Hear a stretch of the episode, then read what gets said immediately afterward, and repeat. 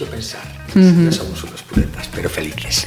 Pues eh, Javier Olleros, alegrome moitísimo. Gracias. Foi un placer, de verdad, cando que irades. Amor de los padres, eso nunca. A no playlist.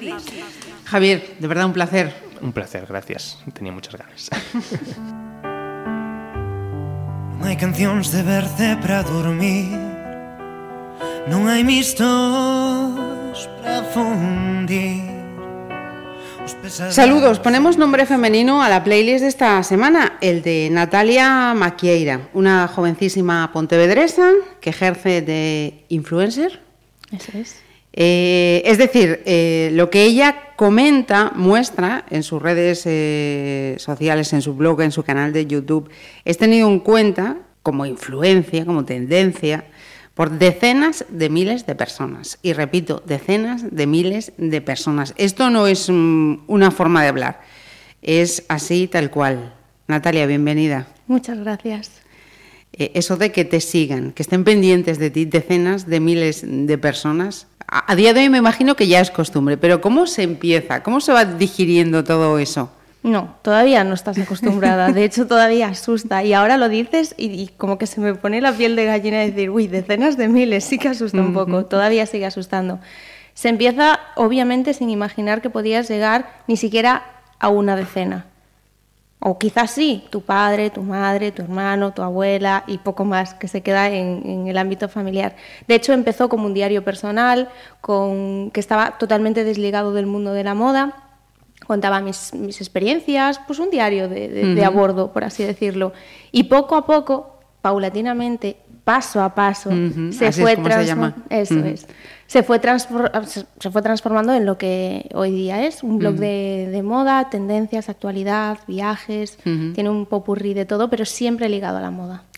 Os pica ya la curiosidad, bueno, pues mm, escuchad la playlist y, y luego, con permiso de Natalia, damos eh, esa dirección donde te pueden seguir para que ya estén en la pista. Pues en Instagram como Paso a Paso Blog, en el resto de- de redes sociales también como Paso a Paso Blog, en el blog como pasoapasoblog.com y en YouTube con Paso a Paso Blog también me encontrarán.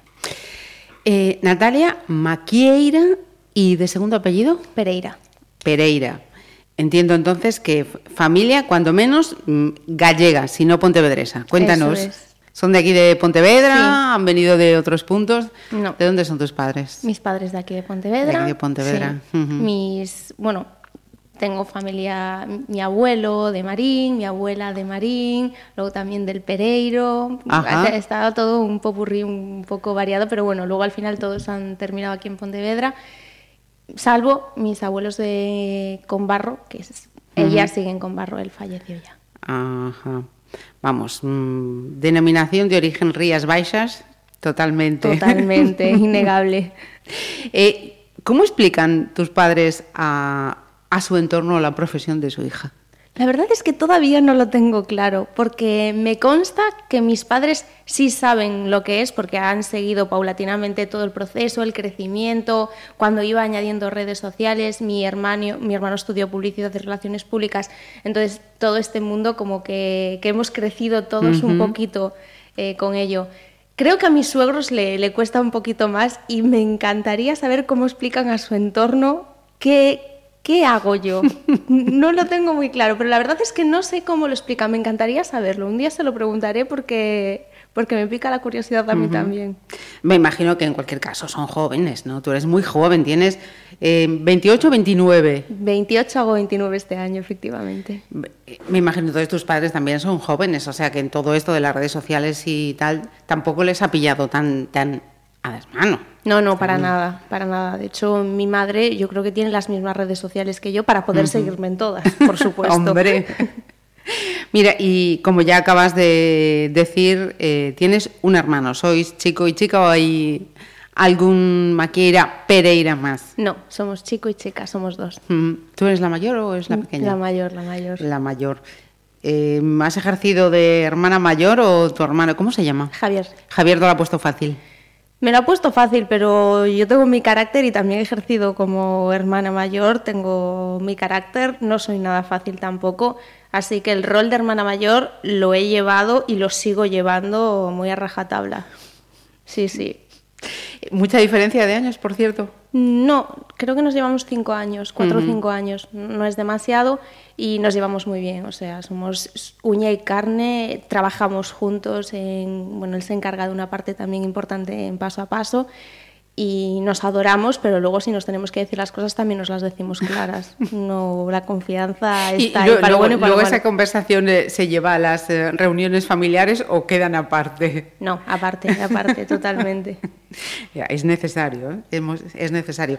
Te hemos llamado, Natalia, para esta mm, playlist y, y viendo tu canal me encuentro que dices, no me gusta la música. Y digo, pues, pues voy a empezar yo, yo bien esta entrevista. Efectivamente. Pero me lo ha aclarado. Ahora que tenemos los micros abiertos, cuéntanos. Sí, bueno, la verdad es que, pues lo que, un poco lo que te comentaba antes a ti, que, que no soy una persona que va a buscar la música, que se pone música para limpiar en casa o para meterse en la ducha o en el coche. Si está la música puesta, encantada.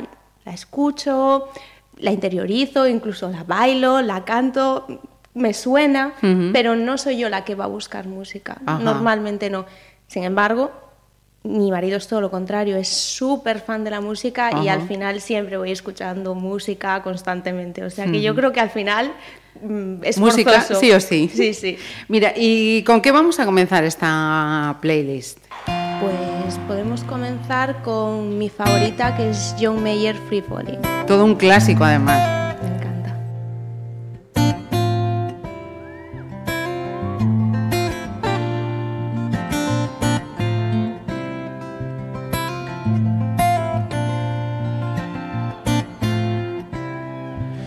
She's a good girl, loves her mama, loves Jesus and America too. She's a good girl, crazy about Elvis, loves horses and her boyfriend too. Yeah, yeah.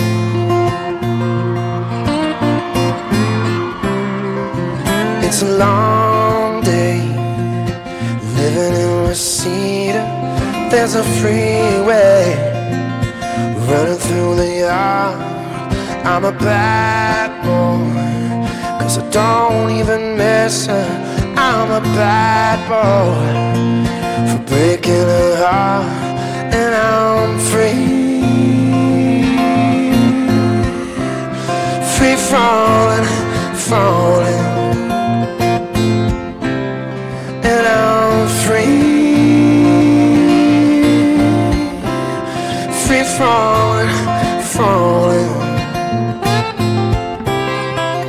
All the vampires walking through the valley, they move west down Ventura Boulevard, and all the bad boys standing in the shadows, and the girl girls are home with broken hearts, and I'm free, free falling, falling. Now I'm free, free falling, falling. Free falling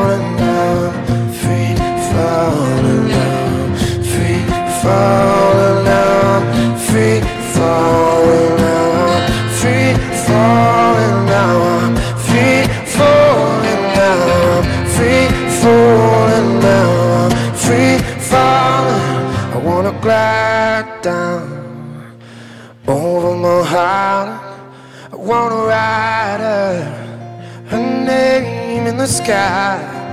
I wanna free fall out into nothing. Oh, I'm gonna leave this this world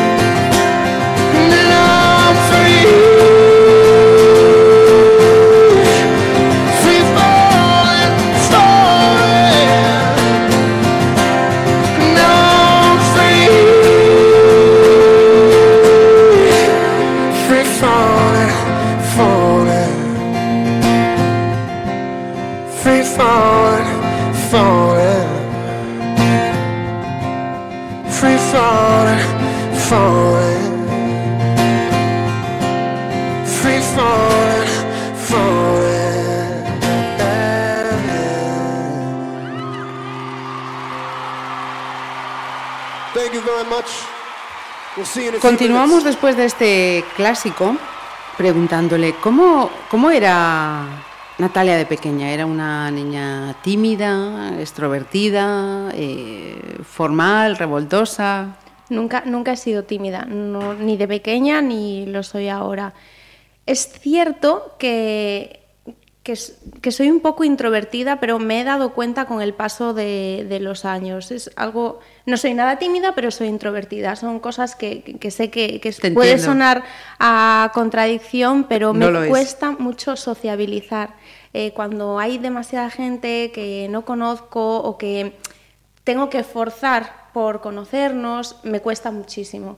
Y no es tanto por agradar o no agradar o, o por timidez, es simplemente por, por, no sé, me, me impone la situación y me cuesta un montón. Y bueno, desde pequeña lleva siendo así, como que soy muy cerrada a mi círculo, lo doy todo por mi círculo, pero luego cuando hay que abrir un poco el círculo me asusto. Cuesta, cuesta dar ese, ese pasito.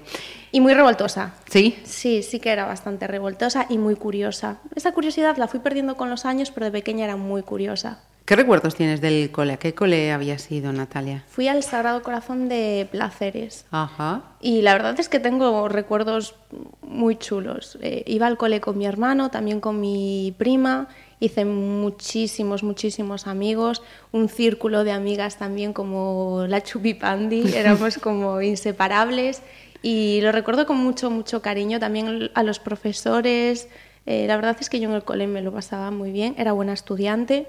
Me encantaba la educación física, a día de hoy sigue gustándome muchísimo el deporte y, y ahora que lo veo un poco con algo Con de, distancia. de distancia, pues sí que sí que lo, lo vivo con cierta añoranza y, y con mucho cariño, la verdad. Sí. Y mm, ya que estamos a puertas de terminar el, el curso, ¿cómo eran aquellos veranos? ¿Cómo, cómo lo recuerdas? Pues eran veranos bastante... No, no tenían nada en especial, pero a mí me gustaba muchísimo que, que llegase el verano porque tenía mucho más tiempo para estar con mis padres, aunque bueno, ellos trabajaban, pero tenía mucho más tiempo para estar con mis padres, con mis abuelos, sobre todo eh, mis abuelos de Pontevedra, yo pasaba muchísimo, muchísimo tiempo con ellos y sobre todo tengo el recuerdo de ir con, con mis abuelos, con mi hermano y con mi prima a la playa, a Portocelo, y, y- y lo recuerdo también con muchísimo cariño. O sea, fue una, fue una etapa muy bonita. Y luego ya más mayor, obviamente, y por desgracia, entre comillas, cambié a mis abuelos por mis amigas. A día Ajá. de hoy me encantaría recuperar esos momentos con mis abuelos, por supuesto, sobre todo con el que ya no está. Y bueno, evidentemente cambié a, a mis abuelos por mis amigas, pero bueno, también me lo pasaba fenomenal. Y, y sí, veranos de, de playa y cuando me empezaron a dejar a salir, pues salir un poquito los fines de semana, pero no mucho más, unos veranos tranquilitos. Pero deliciosos, ¿eh? Cuidado. Muy ¿eh? deliciosos. Tienen muchísimo encanto esos, esos veranos. ¿Y, y conservas aquellas amistades de las que nos acabas de hablar, de ese grupito tan, tan sólido que tenías en el cole? El grupo del cole ya no. Sé que ellas continúan, continúan llevándose y se siguen viendo y yo sí que de vez en cuando eh, las veo por redes sociales o he hablado con una de ellas hace poquito. Obviamente sí, nos vemos por la calle, nos saludamos y tal, pero bueno, eh, con el instituto cambiamos de amistades, tuvimos novios. Es la eh, vida. bueno, fueron, fueron cambiando un poco pues, la vida efectivamente y, y no nos seguimos llevando como amigas para siempre, pero obviamente nos saludamos por la calle y, y, bueno, yo la recuerdo con muchísimo, muchísimo Ajá. cariño. Sí. Vamos a hacer otra parada antes de seguir avanzando en la, en la vida de Natalia. Segunda selección de esta playlist. Pues yo aquí pondría, mm, a ver, Gentle Music Men, cuentos modernos.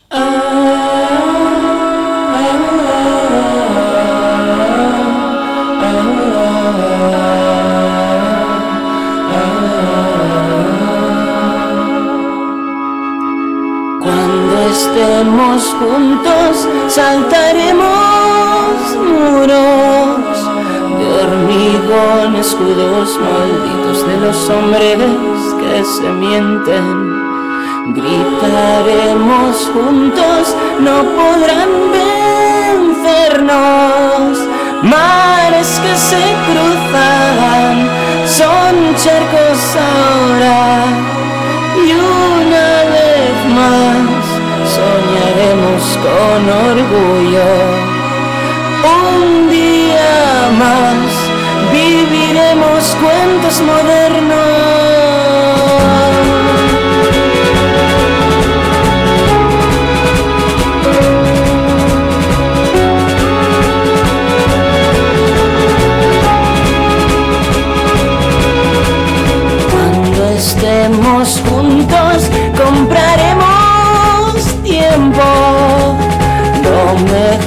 De nuestra inversión, sirviendo nuestro antojo. Melodías puras romperán silencios, nuestras voces rotas chillarán desnudas para seguir el eco de nuestras palabras.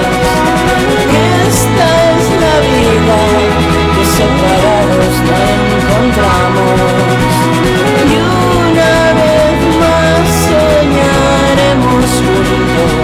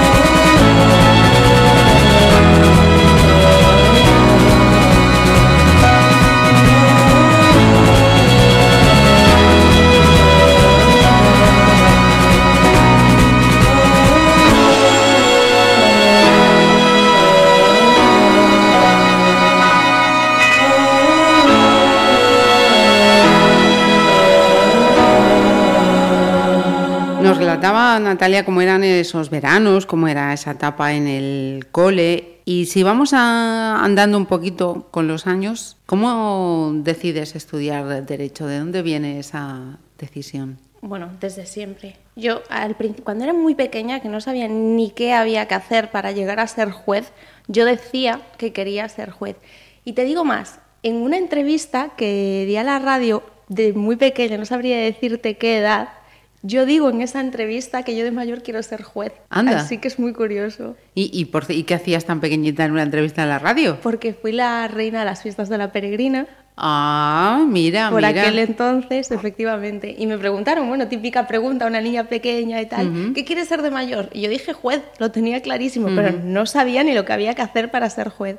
Y bueno, con el paso del tiempo obviamente lo tuve más claro y efectivamente estudié Derecho, me encantó la carrera, me fascinó, a día de hoy me sigue encantando el Derecho. Y al momento, o sea, dejé pasar el verano y empecé a opositar a Judicatura y Fiscalía. Yo siempre lo había tenido muy claro. Pero al final, bueno, por circunstancias de la vida y también por, por un tema personal, que me puse un poco enferma, tuve, tuve que dejar la, la oposición. Pero bueno, en, en el camino estaba a llegar a ser juez, como había dicho entonces. M- Mira, ¿y qué edad tenías cuando fuiste esa reina infantil de las fiestas? Pues la verdad es que no lo recuerdo. Podría decirte que quizás sería el año 99, 10 años quizás. No estoy muy segura, pero 98, 99. Posiblemente sería, si tuvo que ser último o penúltimo año. Fui el último año, sí. 99 entonces, el Sí, último pues, mandato de, de Pedrosa. Sí. Mira tú, pues eh, acabo de descubrir que yo había hablado profesionalmente con, con Natalia, lo que son las cosas, lo que son las cosas, fí- fíjate. Pues Mire, y habías opositado, decías, pero, pero una enfermedad eh, te retiró. ¿Podemos hablar de esa cuestión o...? mm, Bueno, es, es- me afectó al sistema nervioso, me puse anémica y bueno, me puse malita y no, no realmente ya no podía, no tenía fuerza ni ganas para seguir opositando, ni los médicos me lo recomendaban. Ajá. Entonces, Y ahí es cuando llega tu, tu vuelco a esta faceta profesional en la que estás ahora. No, ya había empezado antes. Empecé con, con el blog en tercero de carrera. Ujú. Como ya te dije al principio, empecé, bueno, como un 2010. diario personal. Sí, Ujú.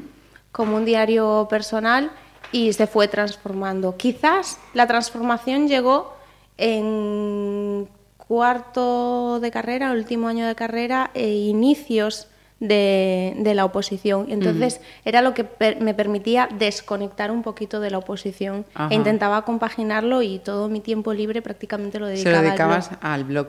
Y, y antes de cerrar esa etapa universitaria, ¿cómo la recuerdas, esa experiencia en, en Madrid? ¿Te fuiste a Madrid a estudiar? Sí, con muchísimo cariño. Ya hay, bueno, tengo muchísimas buenas amigas. Dos de ellas serán mis damas de honor el año que viene, precisamente de, mi, epo- de mi etapa de universitaria. Y muy bien, me lo pasé muy bien, estudié mucho también. eh, Me encantó la carrera, mm, me encantó la universidad, mis profesores, aprendí muchísimo, no solo de derecho, sino también de la vida. Me desprendí de, de las faldas de, de De mis los padres, padres. claro. Sí, me separé también de mi entonces, bueno, del que es mi marido ahora y entonces era novio. Y sí que fue una etapa complicada a efectos de familia, distancia, que bueno, que Madrid está aquí al lado, pero para una niña de 18 años al principio era un mundo. Y bueno, aprendimos todos a llevarlo bastante bien. Yo disfruté muchísimo de esa etapa, lo pasé muy bien y tengo muy, muy, muy buenos recuerdos y, y aprendí mucho a todos los niveles, la verdad. Se le nota en la cara. De, de momento no, no podemos poner la, la imagen, no, no nos falta eso, pero su cara ya, ya lo dice todo. ¿Ponemos otra pausita musical, Natalia? Claro. ¿Con qué nos vamos entonces? Pues vamos con Alaska. ¿A quién le importa?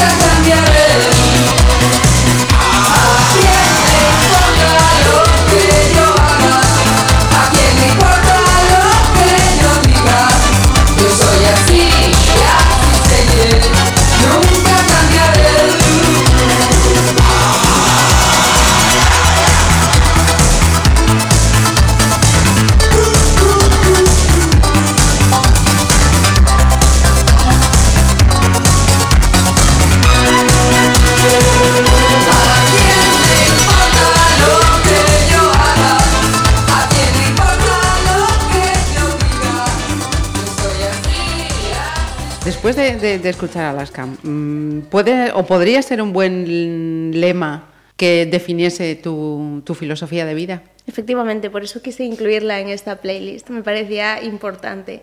Eh, bueno, al final cuando te expones eh, tanto a, bueno, a, todo. a todo, a todo, porque al final intentas esconder lo máximo posible, pues eh, ciertas partes de tu vida, pero bueno, es muy difícil porque estás enseñando que estás aquí o que estás allí o que estás con esta persona, que y al final, pues sí, es una exposición constante y bueno, eh, recibes muchísimo cariño, sobre todo cariño, pero bueno, sí que es verdad que también hay críticas. Entonces, al principio me importaban más y ahora es que me dan exactamente igual y por eso la canción, ¿a quién le importa lo que diga? Hay que eh, aprenderlo en todo, todos los niveles de la vida, en cualquier eh, situación, pero imagino que efectivamente en, profesiones, en actividades como la tuya, más aún. Decías 2010, hable- abres ese blog de alguna manera, pues eso, para mm, desviar ese, esfuerzo que estabas haciendo en- con esas eh, oposiciones.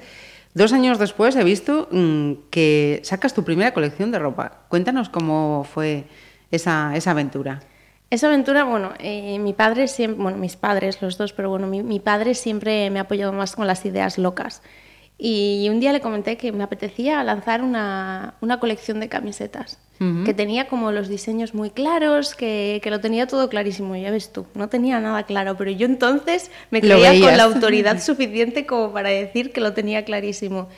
Y, y a mi padre le encanta el emprendimiento y que seamos curiosos y que, y que nos movamos por nosotros mismos y que nos busquemos también las castañas. Y, y me dijo, bueno, pues venga, adelante, yo te ayudo al principio y luego, si es que sacas algo de, de este emprendimiento, entre comillas, porque bueno, al final... Sí, sí, no, no. Era un emprendimiento, desde Sí. luego. Y si sacas algo, pues me lo vas devolviendo poquito a poco. Y así lo hicimos, lo que pasa que nunca se lo devolví poquito a poco. Pero sí, la idea era esa y, y- y así es como lo hicimos. Y se vendieron camisetas, se vendieron muchas camisetas, la Sí, verdad. señor. Mira tú. ¿Cómo se llaman esos padres, por cierto, que no te he preguntado? Eh, Javier y Rosy. Javier y Rosy. Eh, son actos de, pequeños actos de, de justicia que me gusta hacer en, en estas entrevistas. Primera colección con esas camisetas, 2012. Dos años después te vas a los zapatos. Además, con, con una empresa de aquí. ¿Cómo fue esa apuesta? Bueno, yo trabajaba, llevo trabajaba con crack desde, yo creo que desde la oposición, que entonces sería 2010, Diez. 11, 12, Ujú. por ahí. Y empecé con, bueno, en un departamento muy pequeñito en el que éramos dos, tres personas, un departamento de marketing, y, y llevaba el blog, empecé llevando el blog. Eh, luego se abrieron las redes sociales, empecé gestionando las redes sociales y hasta este año que dejé de llevar el departamento, bueno, de comunicación, no tanto el departamento de comunicación, sino el de gestión de redes sociales, blog y demás, eh, estuve con Crack. Eh, si algo tiene bueno eh, la empresa es que a los empleados los tiene muy mimados, les da muchas oportunidades, los tiene muy presentes, eh, cuenta con ellos. Es una cosa que me apasionaba y me sigue apasionando de crack. Y una de esas cosas es que me permitió, me dio la posibilidad de lanzar mi propia colección de zapatos y después de eso, y que además fue, estuvo muy bien, hubo muchísimas, muchísimas ventas de esa colección, tanto de gente que me conocía como de gente a- que no me conocía de absolutamente nada, pero le gustaban mis Ajá. diseños, le parecían atractivos, le daba igual quién fuese paso a paso, le daba igual quién estuviese detrás de ese diseño. Pero gustaba, Simplemente, que es- Ujú. efectivamente, gustaba el diseño y entonces pues se lo compraban y ya está. Entonces a partir de ahí eh, empecé a formar parte del equipo de desarrollo de producto de Crack. Y dos añitos, no, dos añitos, no, ese mismo 2014 he leído también que estuviste nominada eh, Zalando Blogger Awards, es decir, unos premios a las blogger que supongo eh, organizaba Zalando, ¿no? Efectivamente. ¿Cómo, cómo fue esa? Efectivamente. Pues la verdad es que no lo, no lo recuerdo muy bien. No sabría decirte tampoco el año, si, si coincidió por ahí, 2014 puede ser. Eh, no recuerdo muy bien eso, pero bueno, sí, sí obviamente eh, sé, sé que, sé que, lo- Que lo- fue. sé que fue, sé que fue así, pero no lo recuerdo muy bien. Tuvimos muchísimas nominaciones a muchísimos premios que iban organizando, pues eso, diferentes firmas. eh, también habían hecho algo de blog lobbying, que es como una plataforma de blogs. También habíamos estado nominados eh, algo de blog lobbying y nunca llegamos a, a ganar nada, pero sí que hemos estado nominados en varios eh, Certámenes. certámenes Ajá. estos, sí. Pa- para ese momento, para ese do- 2014, eh, ¿ya, ¿ya eras consciente que profesionalmente esa, ese era tu camino? No, para nada. No, no, yo creo que no. No lo, no lo tuvimos claro y hablo en plural porque al final esto eh, terminó afectando a, muchas personas hasta hace relativamente poco, dos años, tres años quizás. Sí. Eh, dice, afecta a varias personas. Casi vamos a hacer una pausa, vamos con otra selección y le pregunto a, a Natalia quiénes son esas otras eh, personas a las que afecta también este, este proyecto. ¿Con qué nos vamos a, a ir ahora? Pues no sé pronunciarlo muy bien. eh, creo que es Kakmadafaka. Sí, no, el nombre no es nada No, no sencillo. es nada sencillo. y es eh, Nate Purhot.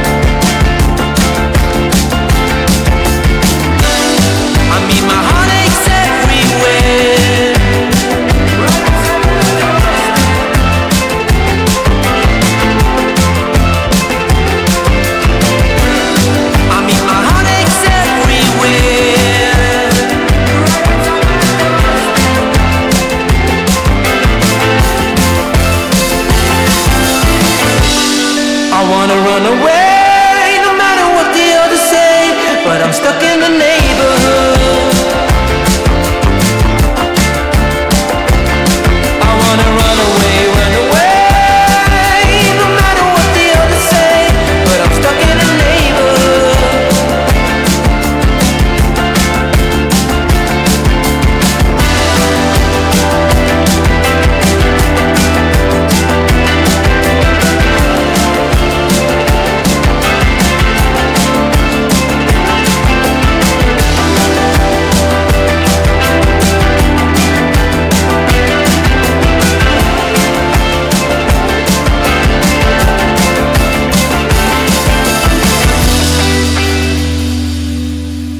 Decía, nos afecta a varias personas. ¿Cuántos sois ahora los, implicados en este proyecto, Natalia? ¿Y quiénes sois? Vale, ahora mismo estamos trabajando con, con dos agencias de comunicación como más mano a mano que se encargan de gestionar muchas de las colaboraciones que tenemos tanto nacionales como internacionales. Mi hermano me ayuda con todo lo que entra eh, internacional o que es un poco más complicado. Javi, que es mi marido, es el encargado de todo el tema de las fotos y luego mi madre me ayuda sobre todo con el tema bodegones y fotos eh, más o bien de casa o bien de producto o cosas un poquito más más especiales.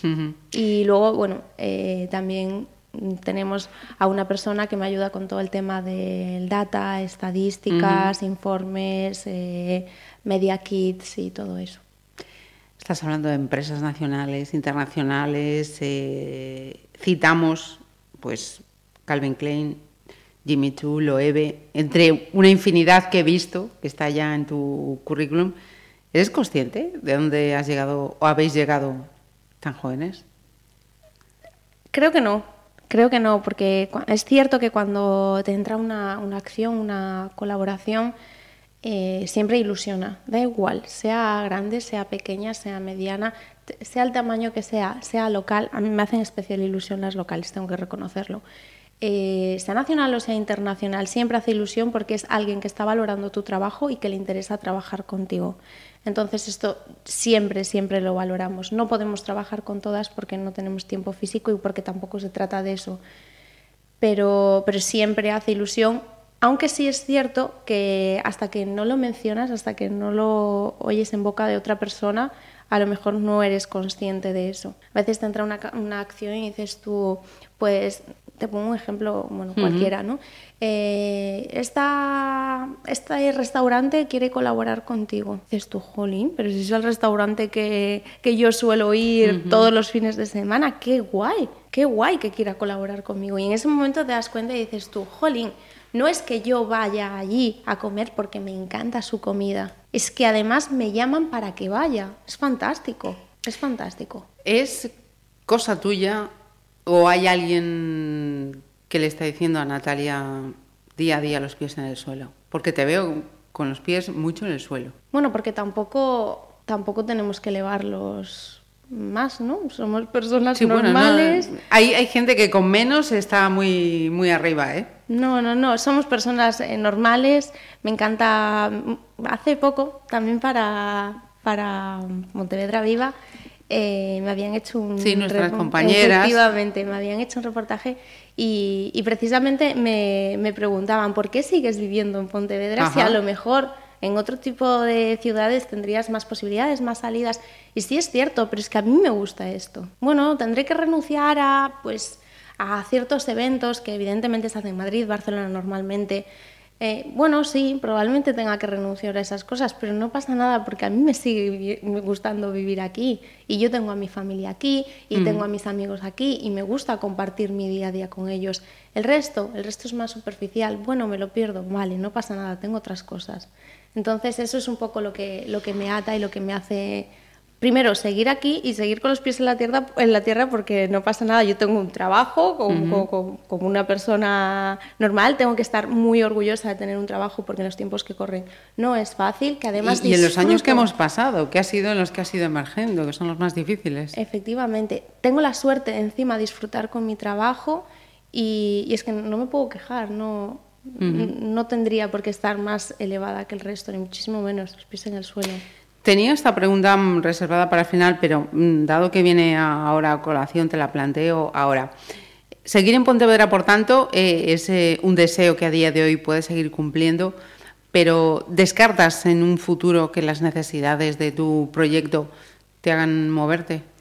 No solo de mi proyecto, sino que ahora mismo tenemos un proyecto de vida conjunto, mi marido y yo. Entonces, eh, nos vamos bueno, ayudando y solapando el uno en el otro. Si quizás a él le surge una oportunidad profesional, en, ya sea en España o en cualquier otra parte del mundo, yo estaría dispuesta a irme con él a donde, a donde hiciera falta, como también sé que él estaría dispuesto a hacerlo por mí. En ese sentido nos complementamos perfectamente y, y, lo haríamos sin problema. Así que es cierto que estoy muy cómoda en Pontevedra, que, bueno, que tengo a mis amigos, a mi familia y eso lo valoro muchísimo. Es una ciudad muy cómoda además.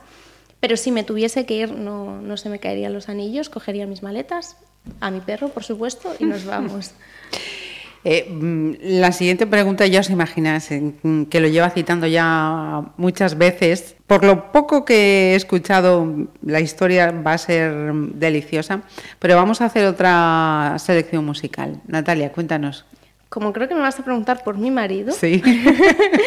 te quiero poner, a ver, a ver, Golden Cold de Train, que es además una canción de, de una banda de amigos nuestros de aquí de Pontevedra y es muy especial para nosotros.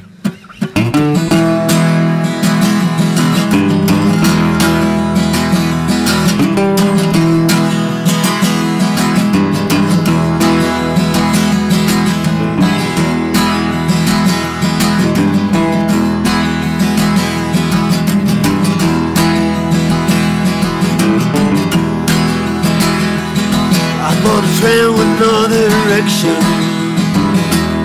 I'm on a wild ride to the hill.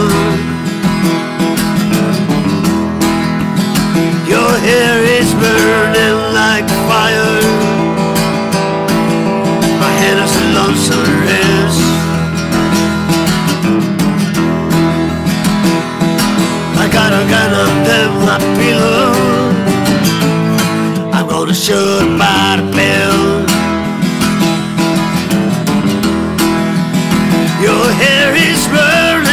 like fire. My hands are trembling, knock you down. Got a layla in the evening. In every corner of this town. I got a gun under my pillow. I'm gonna shoot by the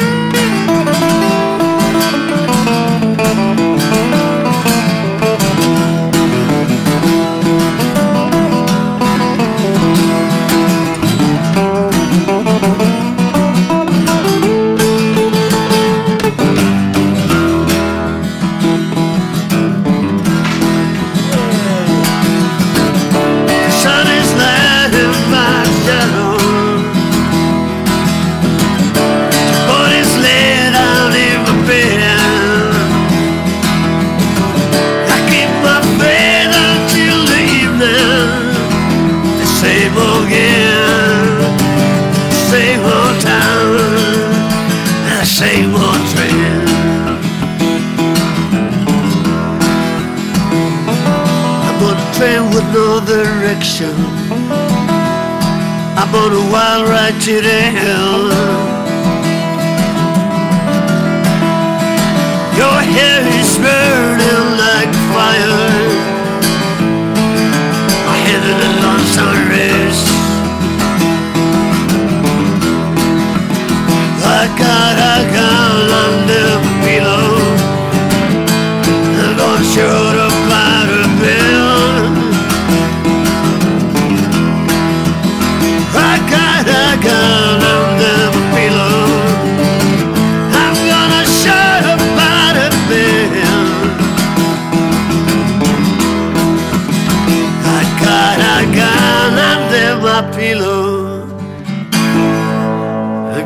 Bill.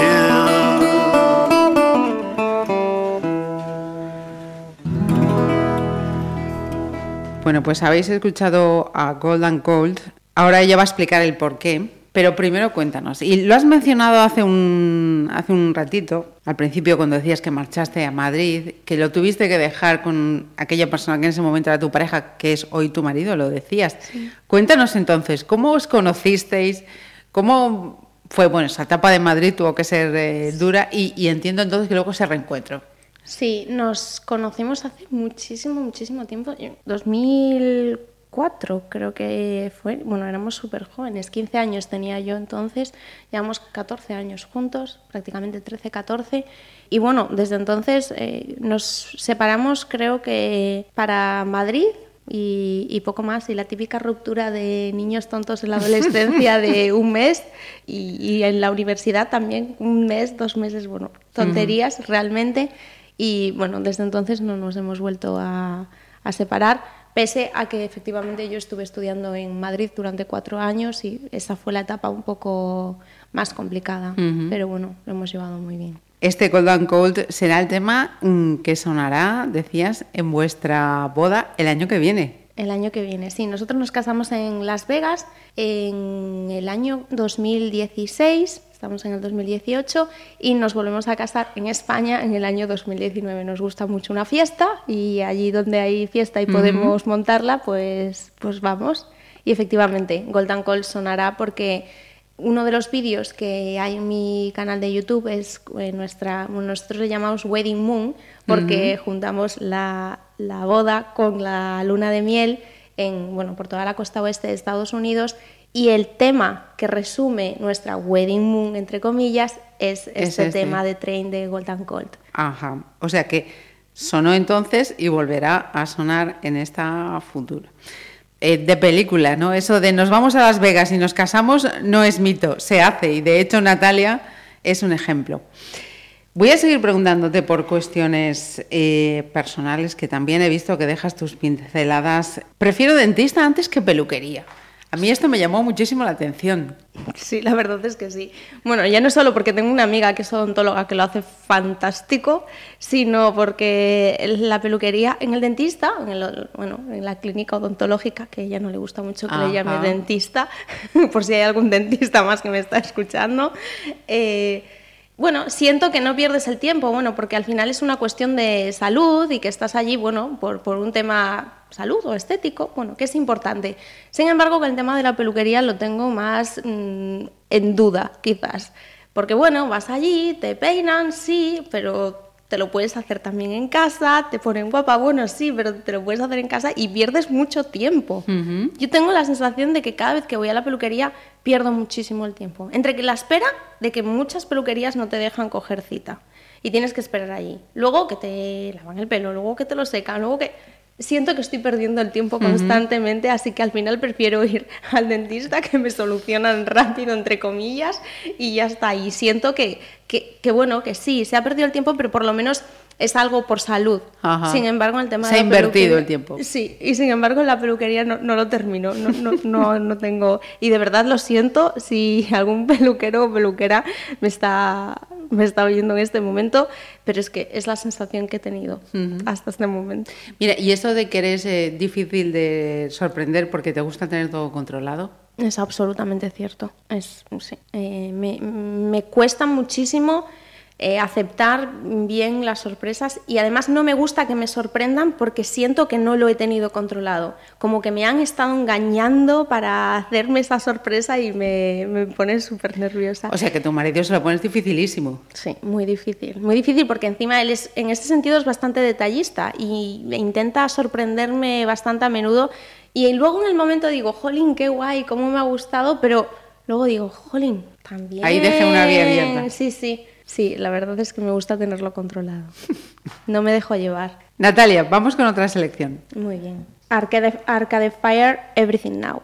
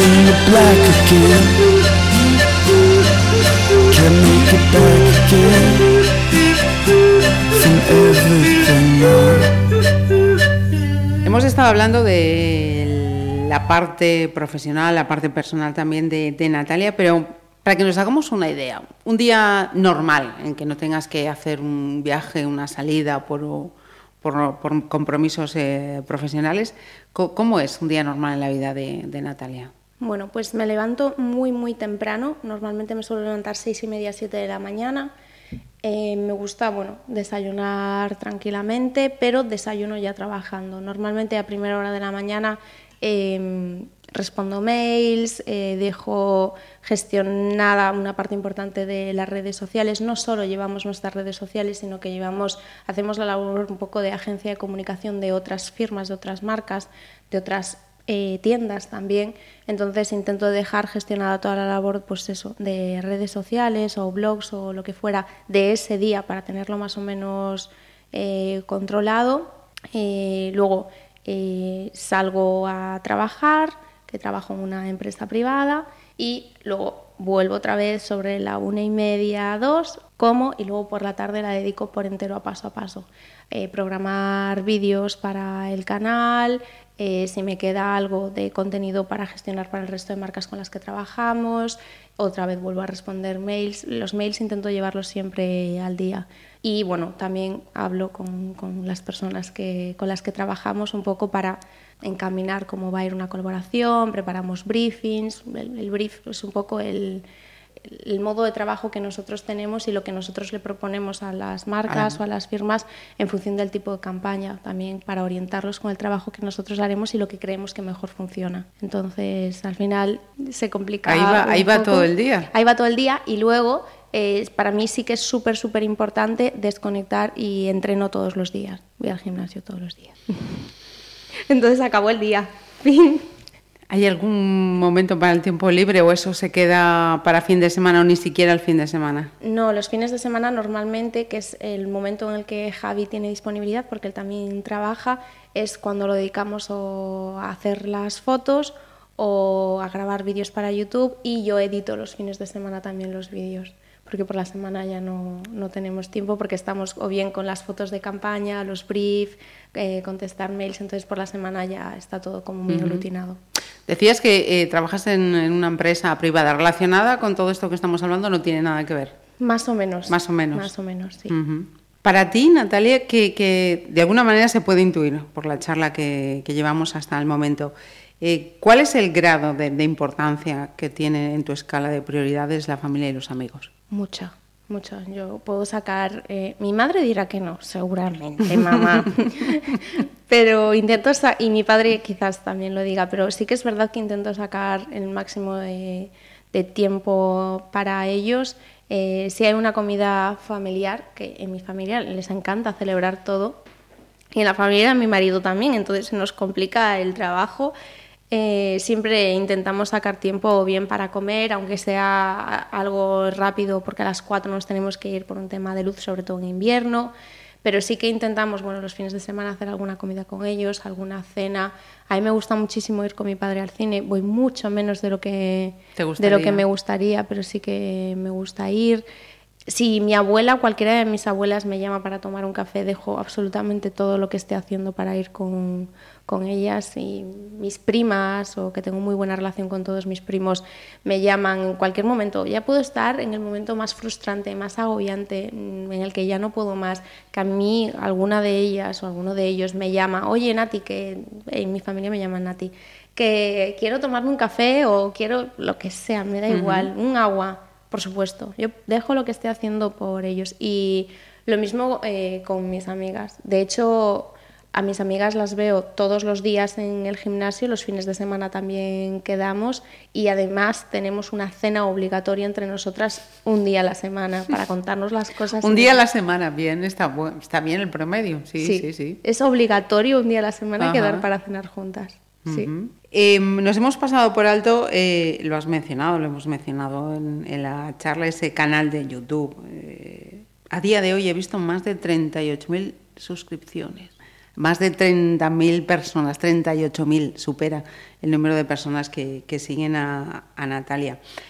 Pero sí he leído mm, que decías que mm, YouTube eh, es algo que puede ser pasado dentro de nada. Sí, como todo. Los blogs de moda hace cinco o seis años eran como la máxima donde todo el mundo recurría, tanto un blog de cocina, no solo hablo de moda, ¿eh?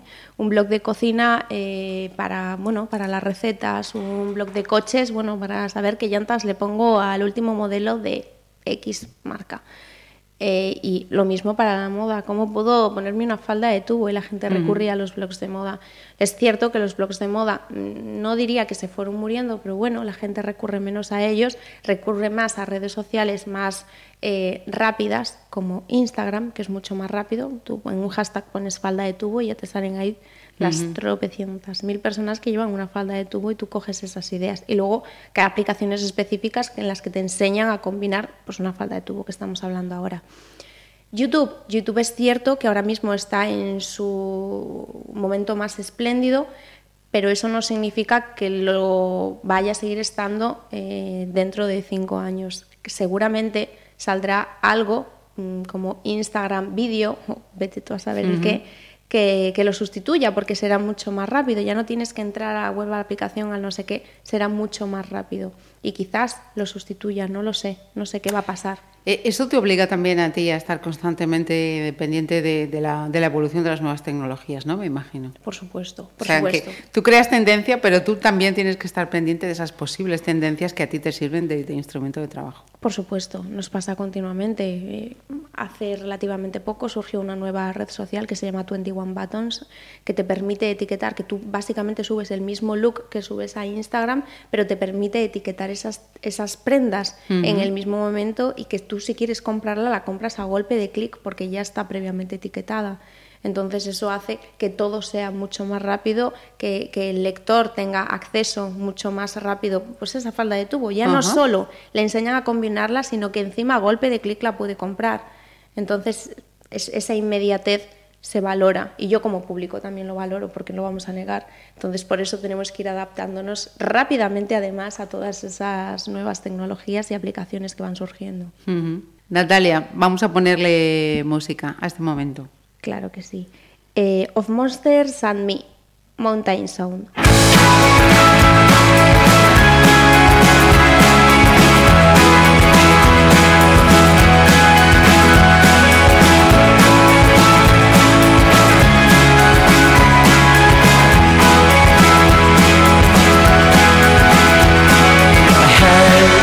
Calling in the distance So I packed my things and ran Far away from all the trouble. I had caused with my two hands Alone. We traveled on With nothing but a shadow. We fled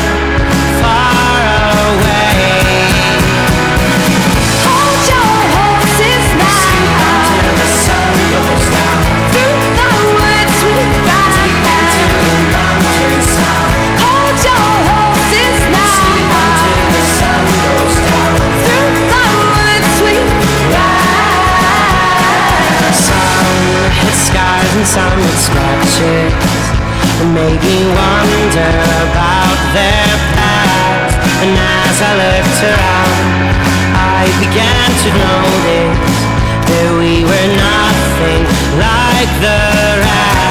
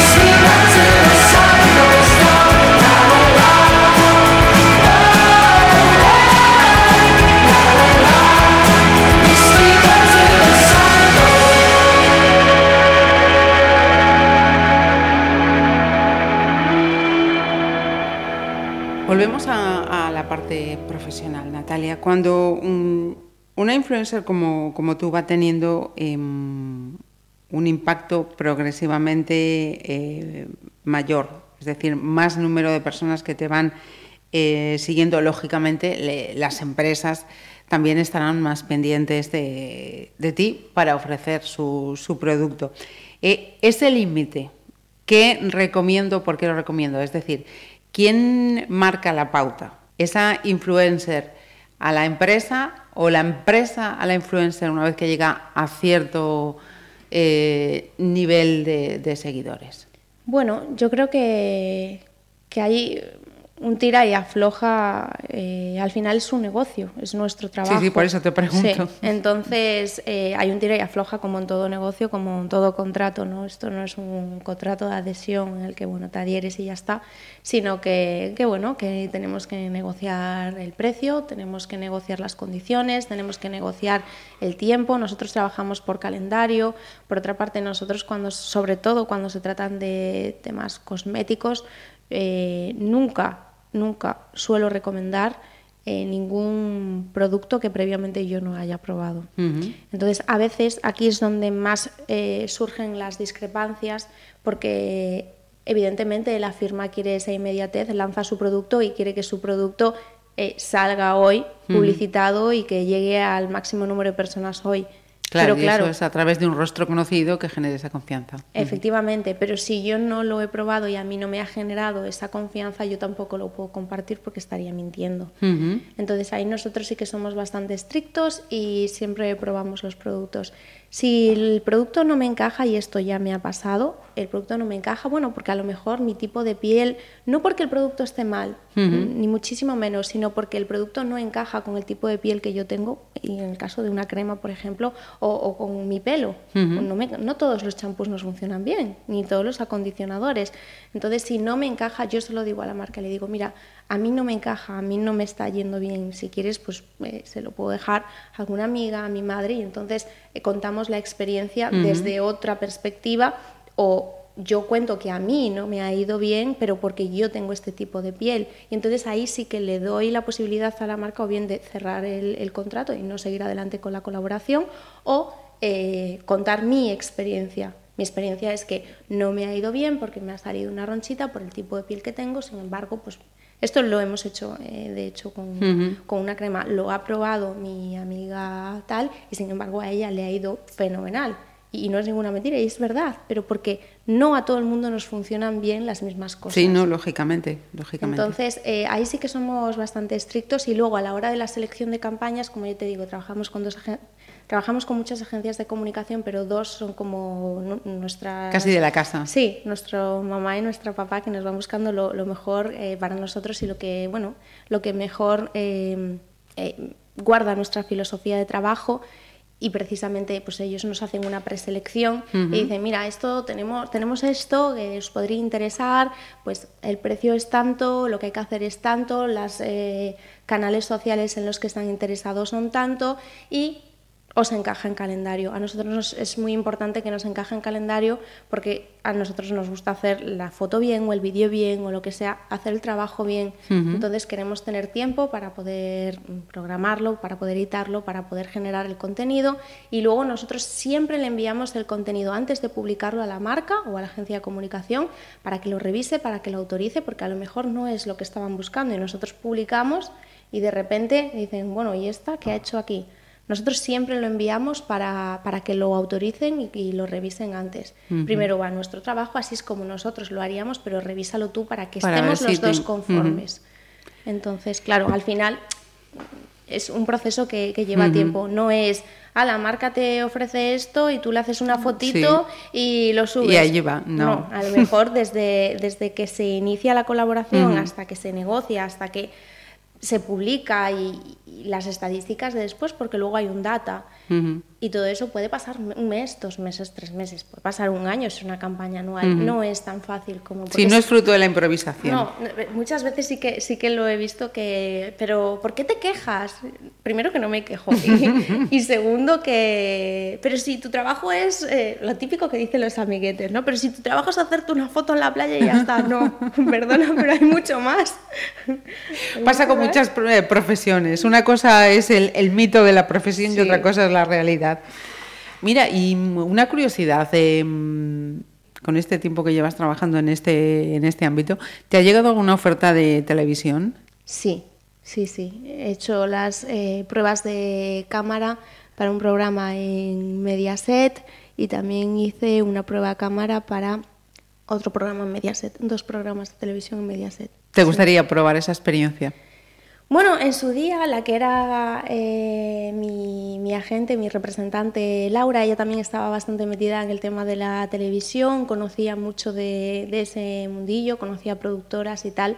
Hubo dos programas eh, bueno, en, Mediaset que estaban bastante orientados al mundo de la moda y, y bueno, dijo, venga, eh, creo que, que puedes encajar, que puede irte bien, preséntate, no pierdes nada y efectivamente no perdí absolutamente nada y, y nos presentamos a las, las pruebas de cámara de, de las dos, sí, sí. O sea, que es una posibilidad que está ahí. Sí, Bueno, ahora me lo planteo mucho menos, pero Sí. pero sí, en su día sí que me pareció una- algo divertido. Ujú.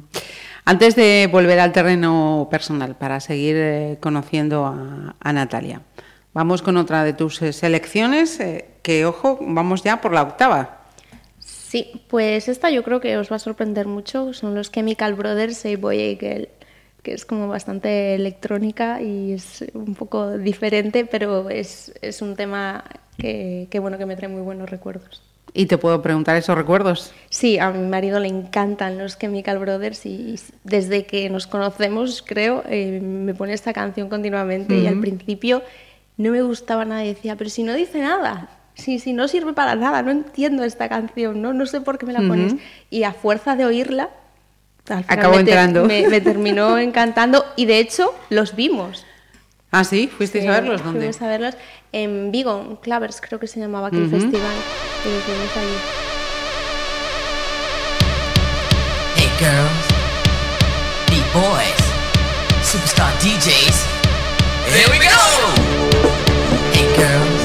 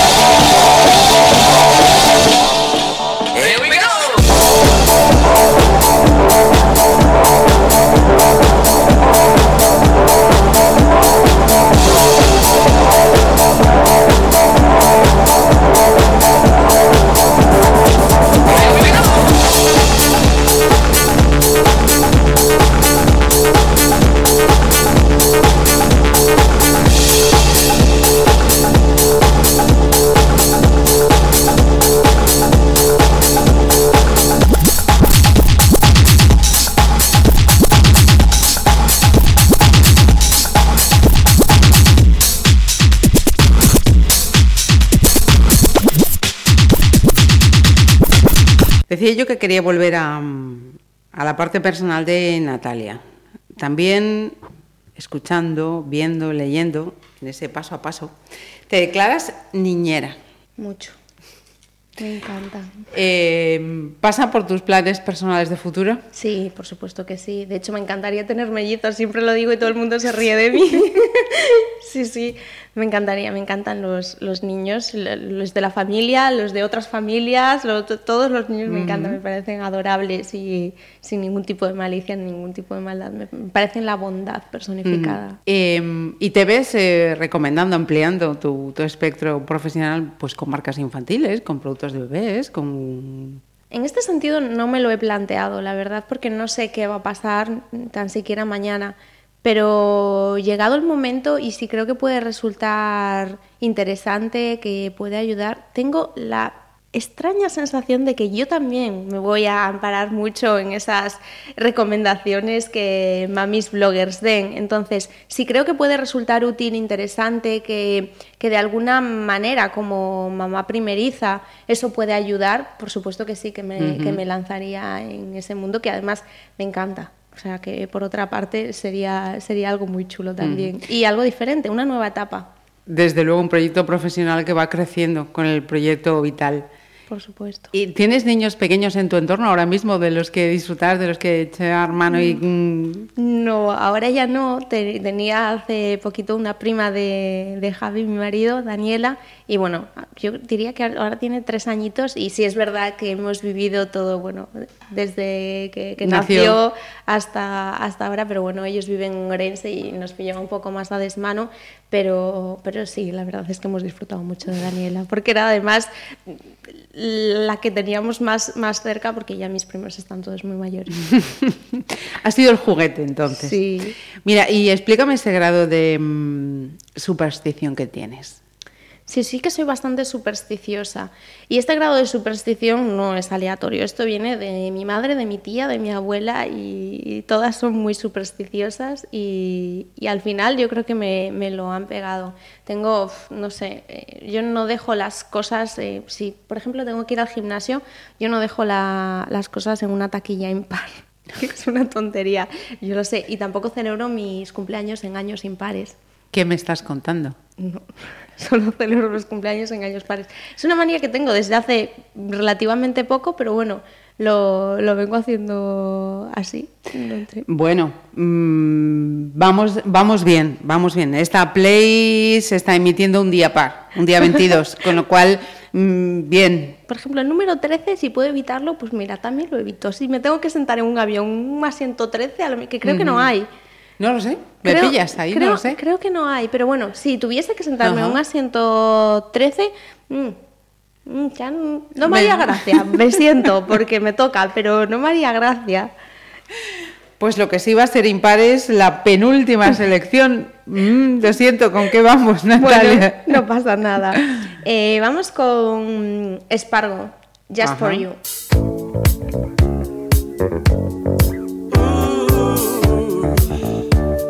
ooh.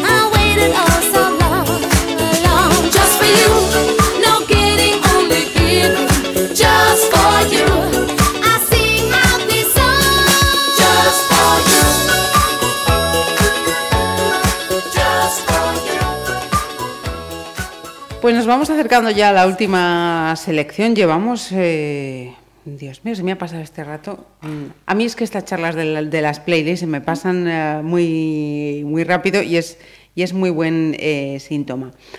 Hemos hablado en algún momento de esta charla de, los mitos que acompañan algunas profesiones. Desde luego, si te dedicas a esto es porque te gusta, porque lo disfrutas, pero em, si te preguntase por una desventaja o algo que, que evitarías de esta profesión, ¿qué sería? No es tanto de esta profesión, sino que yo creo que va más en mi personalidad y es que no soy capaz de separar los tiempos. Eh, me voy de viaje y aunque no quiera, estoy con el móvil o con la cámara en la mano diciendo, ¡buah, qué foto más bonita! Eh, va a quedar súper bien con este filtro, con... Al, fi- al final eh, estás pensando en publicarlo y Con compartirlo y, y lo ves con esa perspectiva más que por disfrutar del momento. De hecho, tenemos una anécdota muy graciosa en, en un viaje que hicimos a Tailandia, que salían queríamos hacer un, un viaje de, de pareja normal y corriente, como dice Javi, una pareja normal y corriente. Entonces, claro, cada vez que me intentaba hacer una foto, yo posaba para la foto y me ponía perfectamente para que se viesen todas las prendas, para que todo se viese perfecto y me decía, pero por favor, posa como una persona normal. Haz, haz lo que haría una persona normal, no actúes como una influencer. Decía, pero es que no sé. Y claro, yo, yo lo decía de verdad, no sé cómo hacerlo. No sé cómo hay que hacer para estar normal en una foto. Si lo tienes ya tan Lo interiorizado. tengo tan interiorizado que al final hago las fotos como para compartir en, en los medios sociales y no soy capaz de disfrutarlo de otra manera que no sea esa. Entonces eh, creo que, que- que, bueno que el contra que le veo yo a mi profesión es que no termino de desconectar del todo aunque quiera. ¿Y qué dirías a esas personas en- que, que acusan a, a Instagram de ser una, una red falsa en el sentido de que todo es felicidad, eh, todo es alegría, todo es bonito? Bueno, pu- pues eh, no los acuso, estoy con ellos, es una realidad, pero a mí me gusta compartir las cosas buenas porque creo que encendiendo eh, la televisión tenemos suficientes cosas malas como para no dejarnos llevar por las positivas. Si ya nuestro día a día tiene una carga negativa por el motivo que sea, si además abrimos redes sociales y en lugar de ver eh, cosas pues, que nos puedan entretener, despistar, evadir, pues es que ya no tendría sentido. Mi máxima es que la gente se inspire, se divierta, que cree, que innove, que se deje llevar. Si yo a, su vez le estoy compartiendo cosas negativas, creo que los cargaría con más cosas negativas y tampoco me parece que ese sea el objetivo. Vamos a terminar esta charla con una cosa positiva. ¿Cómo van esos preparativos de esa boda de la que hablábamos antes, teniendo en cuenta ese intenso día a día que, que tienen Natalia y Javier? Bueno, eh, van bien porque tenemos las ideas bastante claras. Tenemos la fecha cerrada, el sitio cerrado, que era como la parte más complicada. Y bueno, ahora estamos un poco improvisando con el tema de los catering, porque bueno, queremos hacer una cosa muy diferente. Y la máxima de nuestra boda es eh, que sea una fiesta y en el que nosotros no seamos precisamente los protagonistas y de hecho te aseguro que no lo vamos a hacer. Vamos a hacer que cada una de las personas que asistan a la boda sean protagonistas por sí mismas, que al final es una cosa que les debemos. Nosotros celebramos nuestra boda solos en Las Vegas y ya fuimos protagonistas en su día y ahora creemos que los protagonistas tienen que ser ellos y queremos sorprenderles. Lo veremos en las redes. Sí, por supuesto. Natalia, ha sido un placer eh, conocerte, que todo vaya bien y, veremos, veremos el resultado de, de ese día tan, eh, tan especial. Y te seguiremos, no solo el día de la boda, por supuesto. Pues lo dicho, que ya termino. Un placer. ¿Con qué vamos a poner punto final a esta playlist? Pues con un tema que últimamente no dejo de, de Ah, escuchar, o sea que, que esto es una buena noticia porque... Te vas enganchando. Efectivamente, porque me voy enganchando y esta canción me ha enganchado mucho. La verdad es que la letra no, no dice nada especial, de hecho es una letra bastante cutre, por así decirlo, pero como que el ritmillo... Pero bueno, la música Sí, el ritmillo tiene, está muy tiene bien. esa salsa. Y es el último vecino, culebra, columna y estatua. Pues con el último vecino, que no la última playlist, y yo estoy convencida que no la última ocasión que charlaremos con Natalia, vamos a cerrar esta play. Muchísimas gracias por tu tiempo. Gracias a vosotros por traerme.